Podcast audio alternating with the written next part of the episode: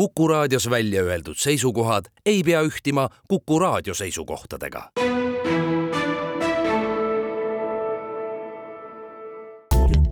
tähendused, teejuhid. tere, oleme eetris täna Tähenduse teejuhtide kahesaja kaheteistkümnenda vestlusringiga ja mul on taas suur rõõm tervitada kahte saatekülalist.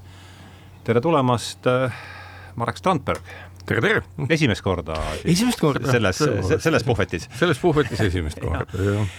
ja Aarne on meil seevastu juba stammkunde kui nii võib öelda kui nii võib öelda ja et, et lugesin just kokku mm, siis number kuuskümmend seitse Silicon Valley Millennium Tanel Tammetiga, see oli esimene kord, kus sa käisid siis Kääriv kämp, see oli, äh, siis me rääkisime sellest, äh, siin oligi Silicon Valley Millennium nagu see äh, Silicon Valley nendest religioossetest ja apokalüptilistest taustadest, siis me rääkisime kaheksakümne kuuendas saates Rannis Toomemaaga Tolstoist. Pihtimusest vist ja Kääriv kämp oli selle, selle saate pealkiri ja siis oli Getsemani karikas Karl Kristjan Nageliga, me rääkisime Perovi maalist Kristus Getsemani aias.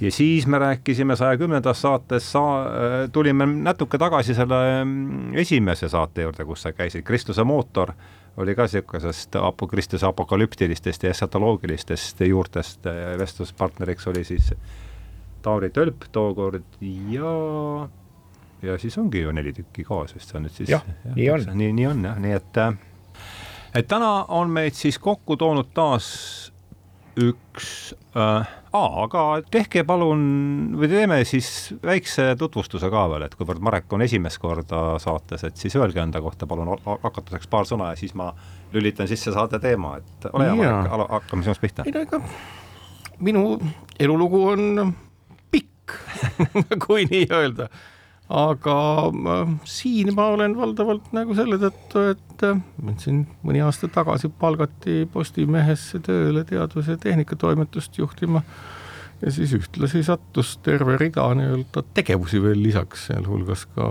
erinevate raamatute tutvustamine Kukus. ja noh, üldhuvidelt ja hariduselt olen ma keemik ja saan looduse asjadest aru ühel ja teisel moel, tegelenud ka ikkagi aastakümneid, võib öelda, nii üliõpilaste õpetamise kui praktilise teadustegevusega üsna laialt, alates materjalidest ja lõpetades kõikvõimalike militaartehnoloogiat. kus sa õpetasid? ma õpetasin Tartu Tartus, Ülikoolis, Tallinna Tehnikaülikoolis, Kunstiakadeemias, seal aeg-ajalt tänase päevani ja ma teadust olen teinud ka väga mitmetes nii Eesti kui maailma ülikoolides, mis on puudutanud valdavalt siis materjalide omaduste uurimist ja ennustamist ja kõikvõimalike tehnoloogiate arendamist, nii et teaduse meetod on, ütleme niimoodi, minu ajust läbi kasvanud mm. -hmm. No.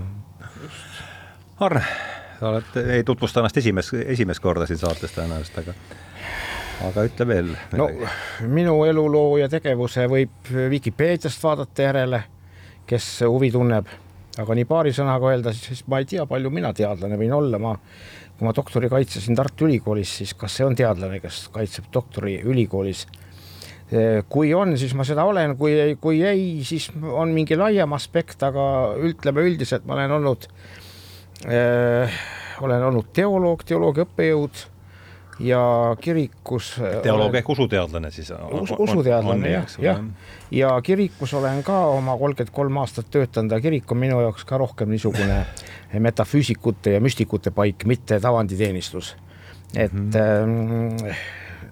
ühesõnaga vaimset dimensiooni peab maailmas korraldama ja, ja kõik ei ole alati võrdne ja me, me keegi ei arva, et kõik asjad oleks võrdsed, muidu me ei valikski kunagi midagi välja mm.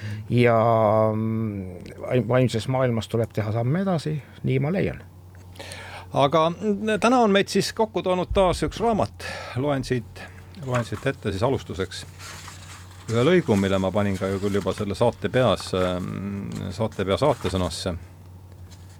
loen kohe sissejuhatuse algusest, et raamat, mille käsitlusobjektiks on õhtumaa vaimuevolutsioon, püstitab erakordseid nõudmisi nii lugejale kui ka autorile.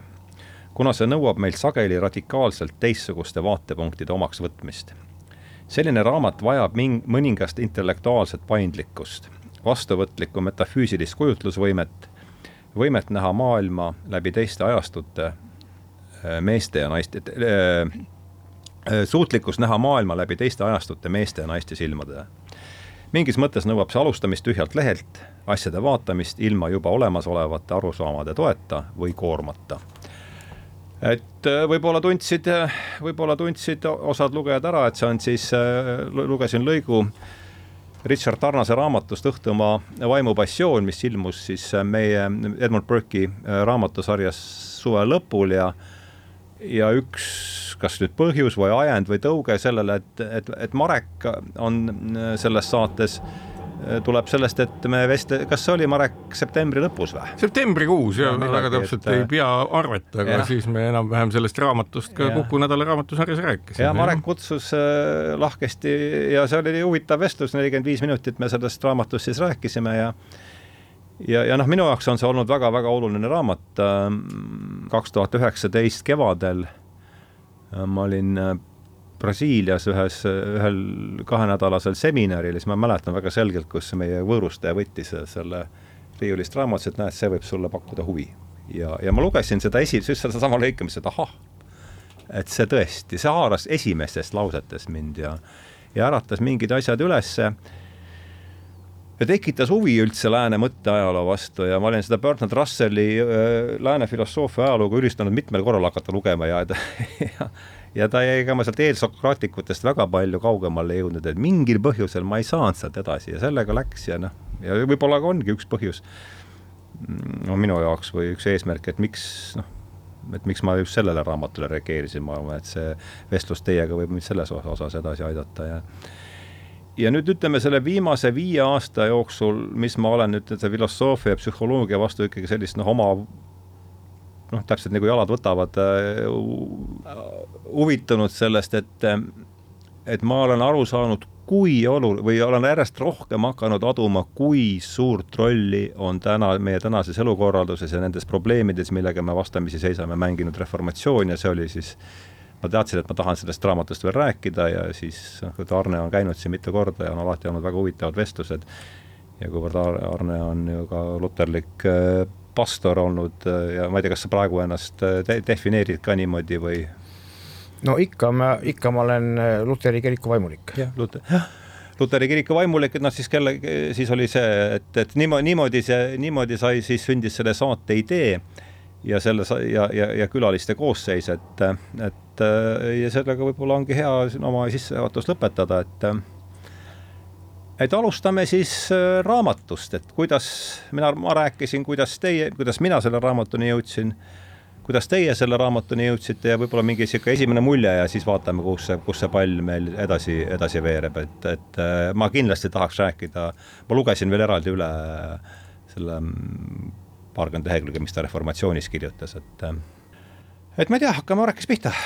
jaa, noh, mõtleme üks niimoodi, et nagu kombeks on, me seal äh, Kuku toimetuses nii-öelda valime raamatuid, et mida ükskord Timo Tarve ja siis mina tutvustan ja mulle sattus see raamat Ehm, Russelli filosoofia ajalugu ma olen muidugi luge, lugenud ja me rääkisime toona saates ka, et mul oli seda oluliselt lihtsam lugeda sedapidi, kui, kui Tarnase äh, teksti, sellepärast et äh, see, noh, ma ei, ma ei, vot raske on hinnata autorit, ma ei ole Tarnaselt ühtegi teist raamatut lugenud või teost. Ja selles mõttes jätab ta sellise nii-öelda äh, enda ideed selgitava inimese mulje, kes nii-öelda tollest tohutust arsenaalist, sellest äh, suurest äh, superpoest, kus on kõikvõimalikke ideid, läheb oma ostukäruga ja valib sinna täpselt sobilikke, et tema lugu nagu toimiks. ja, ja selles mõttes noh, kui vaadata, kas siis moodsamast ajastki, et äh, keda ta ei käsitle äh, selgelt, kellel ütleme selle Õhtumaa ajaloo mõttes võiks olla nagu ikkagi üsna olulist tähendust ka kahekümnendast sajandist. Äh, aga ta käsitleb nii-öelda valikuliselt ja no ega see ongi, et ega raamatu autori valik. ja selles mõttes nii-öelda Russell on selles mõttes, kuidas nüüd öeldagi, oma teoses selline ikkagi saalomonlikum, et ta võtab kõik ette, mis võtta annab ja räägib neist. nii et äh, selles osas äh, jätab Tarnase nii-öelda sündmuste valik, no jällegi mis see oli, kuus, palju lehekülgi seal on mingisugune? ma arvan, kas, kas sa arvad, et kas, kas nad mahult võivad olla, kui nüüd tähemärkides või sõnadest lugeda, mis sa arvad, kas nad on enam-vähem Nad on enam-vähem enam nagu võrdsed, ega nad on mõlemad niisugused korralikud telliskivid, aga Tarnas ratsutab läbi mingisugune kolm või neli tuhat aastat, ja siis noh, see ongi, et kui sa satud poodi, sul on võimalus valida, siis sa valid ja siis ostukorvis lõpuks ongi see, mis seal on ja ütleme jällegi, et Russell pühendab nagu ühele või teisele suunale teksti mõttes nagu rohkem arutelu mm. -hmm. Tarnas eeldab, noh muidugi minu puhul on üsna lootusetu seda eeldada, et kõiki neid teoseid, millele ta viitab ja kogu seda kirjandust äh, lugenud oleks aga ta viitab jah, väga pinnapealselt ja nagu markeerib asju, mis tähendabki seda, et äh, kui siis tahta seda raamatut läbi töötada, siis tõenäoliselt äh, korda kümme, kui mitte sada peaks olema veel teoseid, millesse siis süveneda. ja vot ma ei oskagi öelda, et äh, jällegi, et kuna ma ju lugesin seda raamatut üsna välja kujunenud mm -hmm. isiksusena, kellel mingisugused pi ilmapildid nagu olemas siis eh, minu kogemus on see, et eh, mulle ta väga sellist nii-öelda suunamuutust või nüüd mõttemuutust ka ei tekitanud. ma saan aru, et see tekst on mm, mõistetav, arusaadav ja ilmselt ka väga paljusid inimesi innustav nii et, äh, nii et see on nagu minu esimene mm -hmm. impressioon sellest. seda, seda, selle, seda ma tahtsingi jah. Arne, sama asi, et kuidas sattusid raamatuni, noh, tõenäoliselt ta läbi meie sarja tuli, eks, aga aga, aga mis jah, just see esimene impressioon, nagu kenasti Marek ütles. kõigepealt üldse ma lugesin, sa reklaamisid teda pikka aega ette. et on tõlkimisel ja oli intervjuu veel Tähenduse teejuhtides selle Tarnasega ja see tõmbas mu tähelepanu juba aga noh, mis tähelepanu äratas, oli siis see, et eks ma kunagi ise, kui ma olin kahekümne, kahekümne ühe aastane, kakskümmend kaks jõudsin vist, jõudsin filosoofia uurimise juurde ja kui ma siin nüüd hiljuti ostsin endale eh, Bruno Mölderi, Roomet Jakobi ja. ja selle Valku või selle jah. see, mis üsna värske. jah, selle, selle Volt, Volt, Wolti Eh, sissejuhatus filosoofiasse, siis nad, ma ei ole jõudnud selle lugeda veel ja ma ostsin ära ja siis ma lugesin sealt, noh sirvisin ja vaatasin, et, et see on teine eh, üliõpilastele mõeldud eestikeelne originaalteos, esimene oli Alfred Koort tuhat üheksasada kolmkümmend kaheksa, vaat see on minu õpik mm. -hmm. mina, mina sain oma filosoofia alused Alfred Aha. Koortiga eh, ise õppides nõukogude ajal, lugedes juurde sarja suuri mõtlejaid, konspekteerides läbi mm, -hmm. trükkides läbi masinkirjas ja sain pihta Platonile, Kantile ja ükskõik mm, -hmm. kus ma loen mingeid filosoofe, kas siis seda Brian McGee, kes ütleb mm, -hmm. et, et, et inglise tudengid ei saa aru tunnetusteoreetilisest probleemist, ma olin lausa jahmunud, sellepärast kui tema teeb samasid tähelepanekuid, mul on see et see, et see on tõelt tõsine küsimus olnud mm. -hmm. mina sain aru sellest mm. -hmm. ja ma usun, et on arusaajaid ikkagi rohkem mm. -hmm. aga see on väga tõsine küsimus ja kus iganes see kuidagi mängu tuleb, see tunnetusteoreetiline küsimus, mida ütleme, kolm nime võiks panna. Platon, Descartes ja Kant. eks ole, kus, eks ole, jah. täiesti, ma näen seda rida. just, see tõmbab kohe tähelepanu mm. -hmm. ja edasi minu tee läks niimoodi, et mul tulid teoloogid igasugused äh, Paul Tillichid ja, ja kes seal kõik olid, äh, Rudolf Ottod ja Liiri Schleiermacherid ja ja kui nüüd seesama temaatika libiseb äh, Richard Tarnase juurde mm, -hmm. ma tajun juba, et see niimoodi hakkab olema, siis kui ma löön lahti selle Tarnase sisukorra ja vaatan, ta nimetab oluliste teosena just samad nimed, William James, Friedrich Schleiermacher, Paul Tillich ja nii edasi mm, -hmm. siis äh, see juba innustas niisugust teost lugema ja kui ma lugesin, siis ma äh, noh, tekst on väga pikk, oleks võinud üle käia, natuke lühendada lugeja säästmiseks.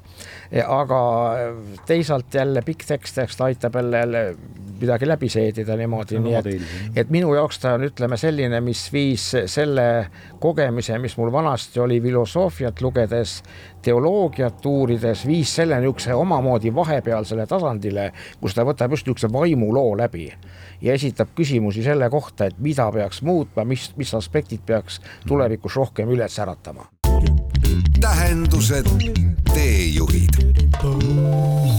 hakkan sellest reast kinni, et, et no veel kord, Tarnas oli esimene jah, niisugune süstemaatiline käsitlus, ma ütlen, minu huvi selle, kogu selle temaatika vastu on üsna hiljutise päritoluga, et kaks tuhat kaheksateist võib-olla viis aastat olen ma nüüd tõesti süstemaatilisemat huvi tundnud selle asja vastu, et no minu jaoks on need muidugi jah, Plaat-, lääne filosoofia on eks ääremärkused äh, Platonile, noh siis Aristoteles sinna juurde, siis minu jaoks järg-, nüüd oleks ikkagi juba järgmine oleks Plotinos, äh, siis uus, uus platonism, siis Augustinus, siis Toomas, siis Descartes. ei no kahtlemata, kahtlemata muidugi jah. jah, ja, ja aga, aga noh, ma ütlen, see täpselt ja, ja Descartesist ega olekski ilmselt juba järgmine Paakli on ka huvitav muidugi. Paakli ka veel jah, jah, jah aga mulle meeldis hästi see, et noh, see oleks see, kus mina, ütleme, see, see, mulle meeldis see sinu ostukaru metafoor, et et mis punktid see, et,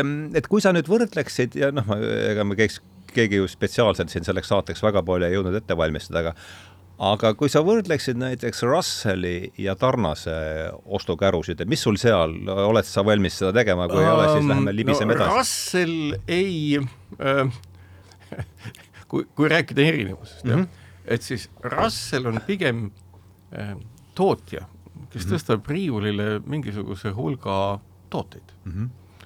Need äh, Russelli käsitlused on ikkagi põhjalikult läbi seeditud ja see seedimisprotseduur on äh, lugejani toodud mm. -hmm. no ütleme, Tarnas teeb seda valikuliselt mm. -hmm. ma vaatasin veel nagu, eks mind oled köitnud ju ka filosoofilise mõtte selline äh, areng äh, läbi ma, ma ei tea, inimkonna ajaloo, nii palju kui ma seda mõistan, ja mis on ju tänasel hetkel selline, millised on filosoofilised probleemid või valupunktid, no siis ikkagi üks selline olemuslik küsimus on ju selles, et äh, tänasel hetkel, kuidas saab olla nii, et äh, me ühtepidi mõistame üsna selgelt, millises olukorras me oleme, kas või keskkonna või energia või sellistes pragmaatilistes, praktilistes, aga väga elulistes asjades ja imestame, et kuidas see niimoodi juhtunud on mm, -hmm. et ku, kuidas on juhtunud niimoodi, et äh, nüüd inimene on olukorras, kus äh, on kümmekond erinevat nii-öelda nähtavat stsenaariumit mille tulemusena see nii-öelda väga mõtlev ja väga informeeritud olend võib ennast äh, üsna lihtsalt nagu nurka ja üldse planeedilt minema mängida. ja siis nagu on huvitav vaadata kogu seda nii-öelda filosoofilist pooltki ja kuhu me jõuame, me jõuame loomulikult Platonini välja yeah.. ehk et ühtepidi loomulikult me võime öelda, et äh, noh, kirjaoskusel ja mõtlemisoskusel on väga oluline tähendus, sellest võib ka hiljem natuke edasi rääkida, aga teistpidi, no ju mõnes mõttes jällegi, et kui me kujutame ette sellist esimesi mõtlejaid, kes vaatavad maailma peale, esimesi inimesi, kes mõtlevad midagi välja, et kuidas midagi olla võiks, mida nad saavad teha tänu just nimelt kirjakeelele ja asjaolule, et neil on olemas piisav meelevald siis Platon on ju see mees, kes oma tekstides võib-olla mitte kõige esimesena, aga kõige jõulisemalt nagu tõmbab piiri vahele äh, mõtlevale ja mittemõtlevale maailmale mm -hmm. ja ütleb, et ainult mõtlev maailm on oluline ja sellega tegelikult vermib. mõeld- või võib-olla mõeldav järsku või? Ei, sorry, ma ei no just nimelt mind. ikkagi, ikkagi ta ma, ma olen pigem niimoodi aru saanud, aga ei, ta ikkagi mitte... nagu ütleb, et kui on noh, ütleme piltlikult öeldes Platoni mõttes loom ei ole väärtus mm. -hmm. ehk et, ehk et see, mida me teame, et on hoopis teistmoodi tänapäeval, aga see Platoni vermitud suund mm -hmm. liikuda suunas, kus inimene ja. on väärtus ja mitte miskit muu ei ole, tekitabki hmm. selle hierarhia, mida me täna ju kritiseerime, et kuidas saab olla niimoodi, et me oleme siin maa peal ja domineerime ja ignoreerime samal ajal kõikvõimalikke teisi seoseid, mille energeetiline maht, mille informatsiooniline, evolutsiooniline, ökoloogiline tähendus on oluliselt suuremad kui Platon kunagi seda ettegi kujutas. sellepärast, et äh, Platoni jaoks oli mõnes mõttes maailm lihtne ehk et äh, mõnes mõttes nagu Descartes'igi jaoks, et äh, noh, kuulus lause, eks ole, mõtlen, järelikult olen olemas, Descartesi oma, ja nüüd on siis ütleme, Descartesilised inimesed üllatunud, et oh, et meie hulgas on ka inimesi, kes on olemas ja kes ei mõtle ja maailm, kes on hoopis teistsugune ja hoopis teistsugune, ehk et me oleme tegelikult filosoofiaga verminud ennast mõnes mõttes silmaklappidega pimedaiks, märkamata juba sajandeid, niikaua kui loodusuuringuid on tehtud, teistsuguste suhete olemasolu, tegelikult ka mõnes mõttes teistsuguste rahvaste ja kultuuride olemasolu mm -hmm. ja selles mõttes nii-öelda, ma ei ütle, et Tarnase raamat on nüüd nii-öelda osa nendest silmaklappidest, aga see ongi see ühe mehe valik riiulilt, mis on mõõtmatult suurem kui äh, tegelikult äh, õhtumaine maailm mm. -hmm. Platon on muidugi hea alguspunkt, et äh, tal on nii palju aspekte. just tal on nii palju aspekte, sellepärast on see Whiteheadi lause ka, et Euroopa filosoofia ääremärkused temale. et äh, kust aspektist vaatad, mõnes pidis on ta jalu sees igatpidi ja tast ei saa kuidagi mööda mm. -hmm. ikka, ikka needsamad küsimused, mis ta küsis aga teisest pidi on loomulikult see, et ta jah, niisugust vaimset äh, ja mõtlevat külge pidas olulisemaks kui materiaalset ja, ja sellist, sellist aspekti. see on täitsa olemas ja, ja sellega on muide kristluses oma noh, tegeldud, et äh, mitte ihu ei ole põlastusväärne, nagu Kreeka filosoofia arvas ja platonism no see on ka nii lai mõiste, see Kreeka filosoofia, eks ole, seal on ka aga, igasugu just, aga põhiliselt noh, on hakkasid Platonit mitte välja arvates et, et kristlus ei põlasta ihu, nii nagu Kreeka filosoofia, see on väga levinud niisugune parandus olnud kristlike filosoofide poolt ma muidugi siinkohal täiendaksin seda ühe aspektiga ja nimelt ega me täna teame, et ega materiaalne äh, ei ole ju pelgalt äh, see, mis jääb inimese vaimust väljapoole, vaid äh, ikkagi kogu loodus on äh, laias laastus ikkagi ka semiootiline süsteem oma detailides, märgisüsteem ja mida rohkem me mida rohkem me analüüsime noh, kõikvõimalikke keeli, mida me täna saame teha ju tänu nendele nõndanimetatud suurtele keelemudelitele ja tehisarule väga tõhusalt. ma ei ütle, et noh, nii-öelda tehisaru imiteerib nüüd väga täpselt seda, mis inimese peas toimub, see ei oma tähendust aga kui eraldiseisvad ja kui prognoosivõimelised on pelgalt märgid, semiootilised süsteemid, asjana iseeneses mm. -hmm. ehk et meil ei ole vaja sinna noh, mingit väga keerulist materiaalset substantsi juurde panna, see materiaalne substants on üsna lihtne, millises kontekstis needsamad keelemudelid näitavad märgisüsteemide mõju ja siinkohal ongi taas seesama asi, et mis on ju hoidnud meid, noh jällegi, et tulla selle, selle Pla-, Platoni juurde, et äh, no see on nüüd nagu väga spekulatiivne järeldus, aga ikkagi, et äh, separeerides inimkonna kui eraldiseisva substantsi ülejäänud maailmast, me oleme hoidnud väga pikka aega ka neid asju, mida me looduse kohta märganud oleme, kuidagi nagu äh, noh, kalevi all, no meid ei ole see nagu kuidagi köitnud või inimkond on väga visalt arenenud, noh, toon näite, eks ole, seesama evolutsioon, evolutsioon, küsimus sellest, mida Charles Darwin tähele pani ja millest ta kirjutas oma liikide tekkest, looduslik valik, kõik sinna juurde kuuluv ja siis need nii-öelda muutused, mis siis järgnevates põlvedes ellu jäävad nojah, et Narvin juba oma elu lõpupäevil tõdes seda või isegi oma esialgsete uuringutega, et noh, tema jaoks näiteks oli Paabulinn tegelane, kes ta oksele ajas piltlikult öeldes, ütles, et no ma jään haigeks, kui ma vaatan Paabulind, ma ei mõista, milleks on vajalik selline sulgede virvar ja, ja no loomulikult lõpuks ta hakkas nagu aduma, et ju sellel on mingi seksuaalse käitumisega mingi seos, mida me tänasel päeval teame, et see ongi selline paabulinnu evolutsiooniline eeldus, näidata, kui vägev ta on. aga sinna taha jääb veel terve rida asju, sellepärast et äh, Darwin ei postuleerinud väga täpselt seda, mis asi on evolutsioon, aga tänasel hetkel nii-öelda kolmanda evolutsioonisuuna esindajad, äh, biosemiotikud ütlevad, et see on noh, kuna evolutsiooni aluseks on ühel või teisel moel ikkagi elusrakk, siis nad ütlevad seda, et evolutsiooni on võimalik tegelikult märgata juba ka ühe põlve vältel ja see on see hetk, kui rakus toimub funktsiooni muutus ehk et evolutsioonilised impulsid on meie ümber, mida me oleme ignoreerinud ja nendel on kas sa räägid nüüd epigeneetika, on see see, see ei ole isegi epigeneetika, see on ikkagi täiesti tavapärane selline nii-öelda noh, kuidas ma ütlen, funktsionaalsete muutuste protsess rakkudes endas sees, selleks ei pea tõusma nii-öelda keerulisemale tasemele, see on üsna nii-öelda organismipõhine tegevus. Ja ma arvangi seda, et selle, sellistes protsessides märgiline tähendus, noh, mida me tavaliselt seostame, eks ole, oma mõtlemisega, on ülioluline, ehk et biosemioootikal ja biosemioootilistel süsteemidel tervikuna on ikkagi nii ökoloogias kui olemises, seega inimese tegevuses väga oluline roll.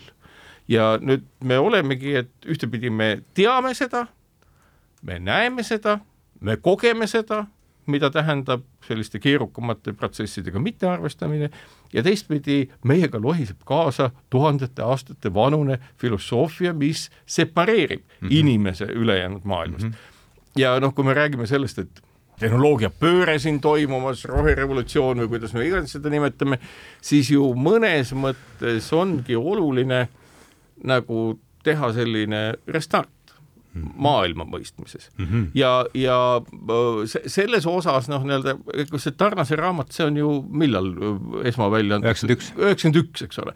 noh, võtame, et üheksakümmend üks oli maailm ikkagi oluliselt paremini paigas kui tänasel hetkel.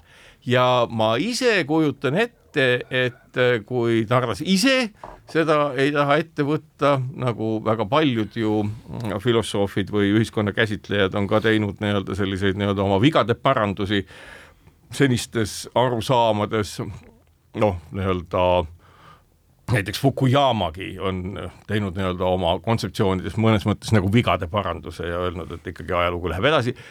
Ja, ja, ja seal on asjad hoopis teistmoodi siis äh, ma kujutan ette, et äh, see, mida noh, nii-öelda me kõik ütleme, et me peame kuidagi oma mõtlemist muutma. Ja no vot see ongi, et üks asi on see, et kas muuta mõtlemist tehnoloogiliselt, et kuidas teistmoodi kütuseid teha, aga selle taga on ikkagi see baasküsimus, et kuidas mõelda ennast hierarhiast tegelikult tervik loodusliku süsteemi osaks mm, -hmm. ilma selleta, et kaoks ära paljude jaoks oluline, ma ei oska öelda, religioossus, müstika ja kõik muu selline mm, -hmm.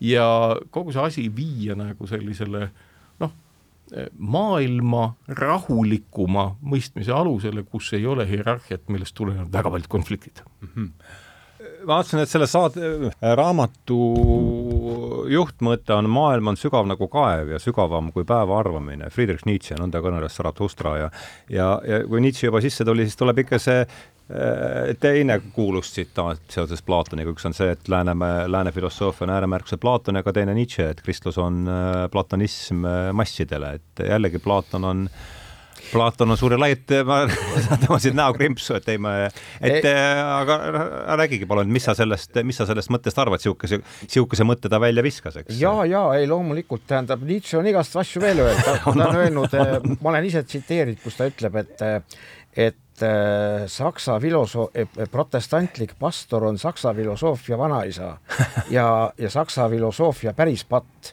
erandi, ära, edasipäranduv patt on protestantlus mm -hmm. ja see on õigus. kui ma loen siiamaani Fritsusid, saksa autoreid siis sakslastel on, eh, valgustusaeg oli Prantsusmaal, lõi nagu selle kiriku ja kuidas olid saksa filosoofia päris patt on protestantlus või?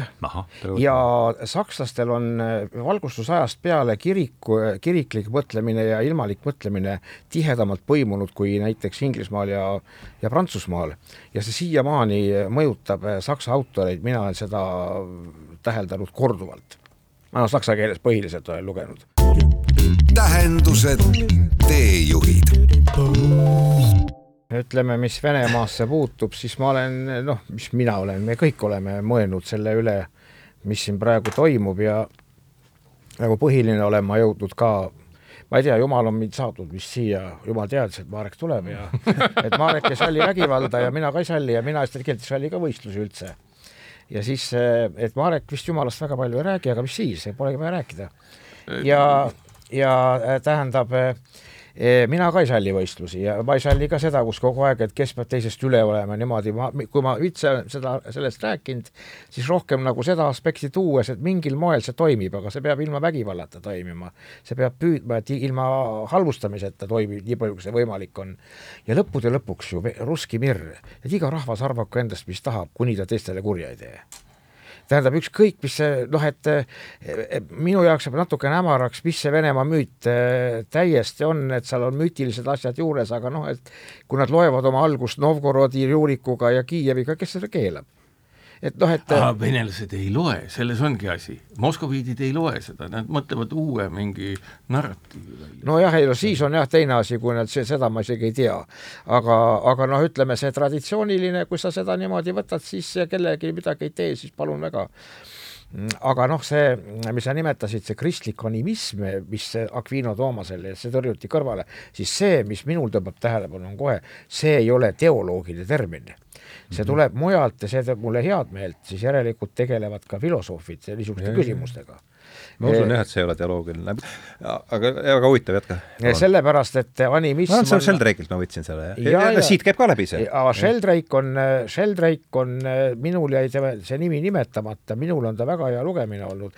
ma suhtun psühhoteelikumitesse ettevaatlikumalt, palju ettevaatlikumalt, aga aga äh, põhimõtteliselt Sheldrake jagab teoloogilisi küsimusi, filosoofilisi küsimusi, oskab hästi selgelt arutada ja paljudest asjadest äh, kantu, kattub minu kogemusega, pilgutunnetus näiteks ja niisugused asjad mm. -hmm ja äh, kristlik animism, selline nimetus on selles mõttes tabav, et, et ikkagi vaimumaailm ei ole, ei piirdu ainult jäigalt teispoolsusega mm, -hmm. vaid vaimumaailm on rohkem seotud loodusega see on nagu animismi puhul äh, esile toodud ja, ja selline oli keskaegne maailmapilt küll. Mm -hmm.. kusjuures äh, ei tohi unustada, et inimesed ju siiamaani kogevad tonte, kummitusi äh,, igasuguseid asju, küsimus on ainult, kuidas seda kogemust mõista. Marek? Oi, ega mis mul siin ikka kogeda, et ega nii-öelda nagu ma ka siin tõdesin, et vägivallatusel on väga mitu mustrit. noh, nii nagu elu mõistmisel ongi väga palju erinevaid võimalusi ja noh, nii-öelda kas äh, mõista ühe või teise objekti olemasolu päriselt või kogetult, noh lõppkokkuvõttes inimese jaoks nagu suurt vahet ei olegi. vahe on selles, kui me otsustame, et me ühel või teisel viisil soovime muuta mingi teadmise masinaks, et siis nagu on oluline erinevus.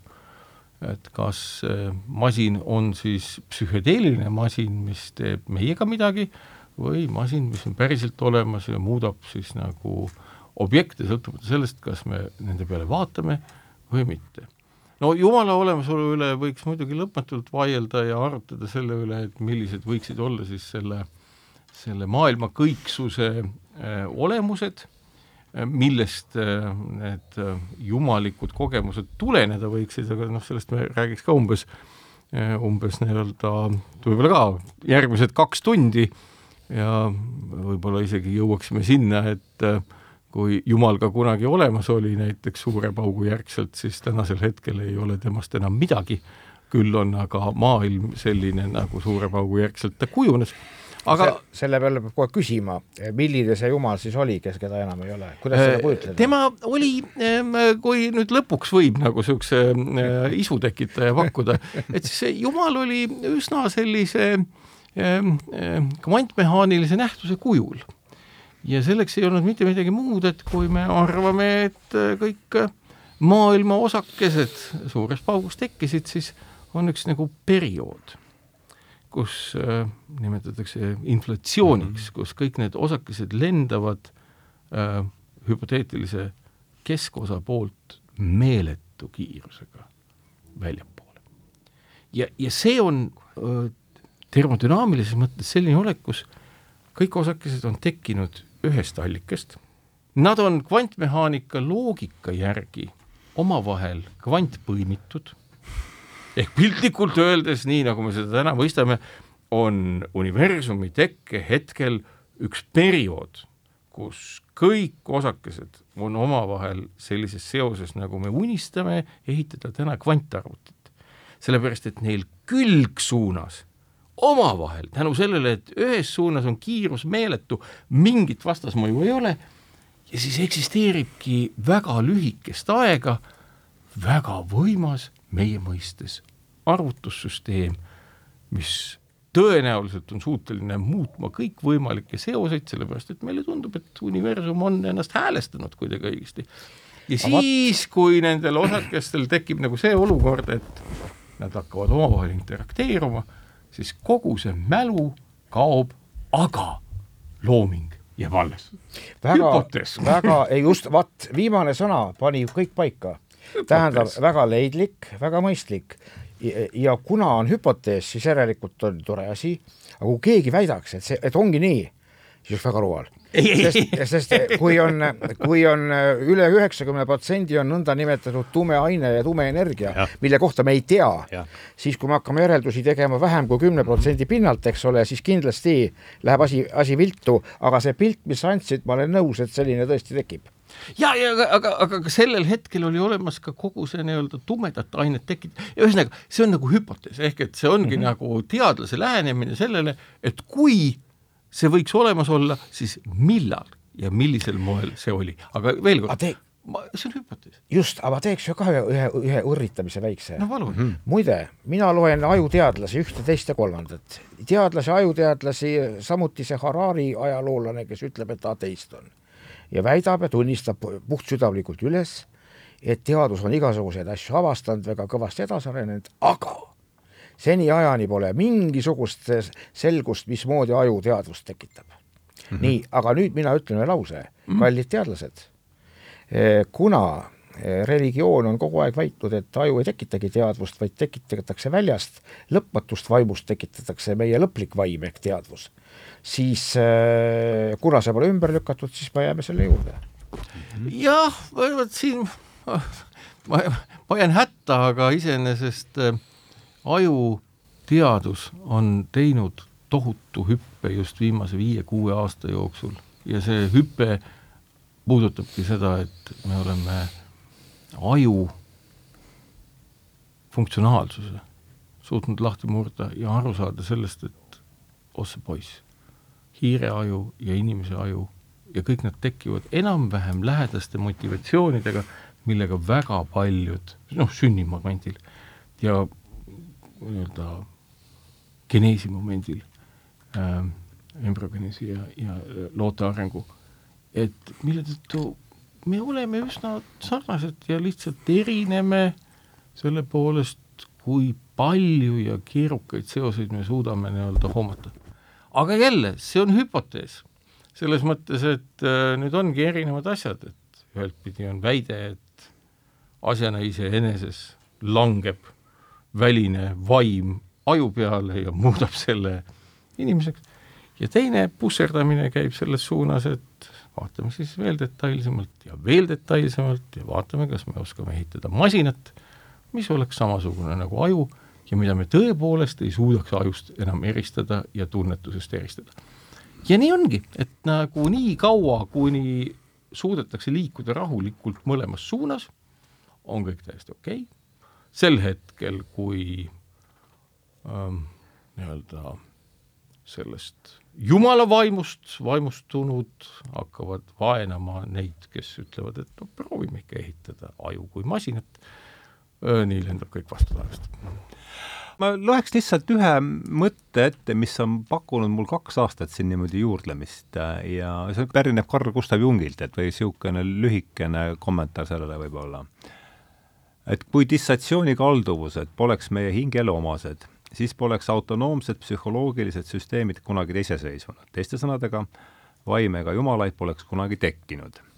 see on ka põhjus, miks meie ajast on nii täielikult kadunud pühadustaju, miks see on muutunud nii ilmalikuks meil puudub, meil puudub igasugune teadmine alateadlikust psüühest ja see on nüüd see koht, mis mind puudutab, seetõttu vannume vankumatut truudust teadvuse sektile.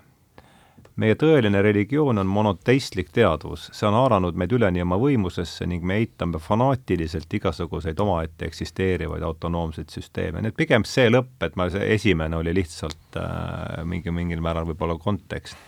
aga et just see lause, et meie tõeline religioon, väidab siis Jung kusagil viienda aasta alguses, on monoteistlik teadvus, ma arvan, see on siis monoteistlik consciousness see on haaranud meid üleni oma võimusesse ning me eitame fanaatiliselt igasuguseid omaette eksisteerivaid autonoomseid süsteeme. kui haakuda sellega, tekitab mingeid mõtteid, on hästi, kui ka ei ole, siis ma saan aru, et see tuli, ma olen selle ise eile siin niimoodi minu masin. nuputanud äh, aastat paar, et mida see võiks tähendada, aga et kas tahab keegi öelda selle kohta teist kompaniis? ma, ma võin lühidalt nagu kommenteerida, mida ilmselt äh, võib-olla Jung silmas pidas ja ja, ja see ongi ju seesama asi, et äh, me oleme ja noh, Jungi ajal loomulikult äh, oldi närvisüsteemist äh, veel vähem ettekujutust omavana mõtlemas selle peale, mis on teadvus ja alateadvus, no siis tänasel hetkel ikkagi me märkame ju mida, et nii-öelda see, mida me teadvustame, see, mida me teadvustame, noh, mille puhul me ütleme, et meile tundub, et me saame mingitest asjadest aru. nüüd väljaspool seda arusaama on terve rida kõikvõimalikke perifeerseid, vegetatiivseid ja muid nii-öelda närvisüsteemi protsesse, mille mahud, mille energiavood, mille informatsioonivood on tegelikult meeletud.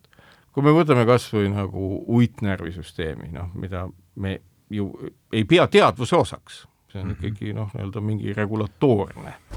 Siis tegelikult see regulatoorsus on niivõrd mitmeplaaniline, et äh, ja noh, ei ole organismis kohta, kus ei oleks seotud nii-öelda närvivõrke ja nii edasi, nii edasi, ehk et äh, alateadvuslik noh, me ei jaksakski kõike ju teadvustada, me ei peagi kõike ju teadvustama selles mõttes, et meil ongi teadvustamiseks olemas oma mehhanism, milleks on kultuur, keel, matemaatika, kogu see asi, millega me saame asju teadvustada, ja kogu see alateadlik tunnetus, see kõhutunne, noh, ütleme, kui me võtame kas või selle mingisugusest peaaegu kahesajast tuhandest närvikiust koosneva kimpude süsteemi, mis on, mis on meie uitnärv mis reguleerib niivõrd paljusid asju. Ja küsime, et no kas selles võiks olla mingi kõhutunne või alateadvus, siis loomulikult. see on sensoorne süsteem, meie sensoorika on lõputult mitmekesisem kui, kui meie, meie tekstiline äh, teadvustatud kultuur no,. millele, millest me enne mõne aega tagasi rääkisime. nii et, nii et noh, nii-öelda puhtalt äh, arvutades ja vaadates, kui palju on kusagil sensoorseid rakke, rääkimata sellest, et mitte ainult noh, siis nagu närvirakke, vaid ikkagi organism tervikuna on ju sensoorne lõppkokkuvõttes äh, kõikvõimalike retseptoritega, lihaste ja funktsionaalsuse kaudu siis, siis noh, selles mõttes nii-öelda alateadvuse eraldi käsitlemine või selle eitamine nüüdismaailmas oleks noh, pehmelt öeldes veider. Arne? nii et tee on vaba, nii nagu, nii nagu David Bentley Hart oma raamatus Jumala kogemus juhib tähelepanu, et Jumala all pole kunagi mõeldud Äh, läbi löönud äh, kompetentsetes seisukohtades mingit naljakat mütoloogilist kuju, vaid alati on tegemist absoluudi ja selle kommenteerimisega. nii et äh, kui kommentaarid võivad ka erineda, siis mingi asi võiks tõesti olla tänapäeva hariduse raames selge, et mõttetu tülitseda asjade üle, mis ei vääri üldse mingit tüli ja vaielda asjade üle, mille üle tegelikult pole midagi vaielda. vaid jah, vägivallast lahti saamine on minu meelest ka üks, üks kõige olulisemaid asju üldse. No aga selge, tulime jälle kuidagi vägivalla juurde tagasi, et eks ta praegu muidugi see teema on, on selgelt õhus ja, ja tõenäoliselt väärib, väärib tähelepanu teises kontekstis, aga tõmbame tänasele äh, vestlusele joone alla, aitäh, Arne Hiiop, aitäh, Marek Strandberg, oli rõõm teid äh, võõrustada ja ja soovin teile ilusat äh, sügisõhtu jätku, juba on, väljas on juba moekalt pime, aga jah, aitäh aga siis äh, veel kord tõmbame joone alla ja lähme lahku suuremate sõpradena, kui me enne olimegi. tänan kutsumast! tähendused, teejuhid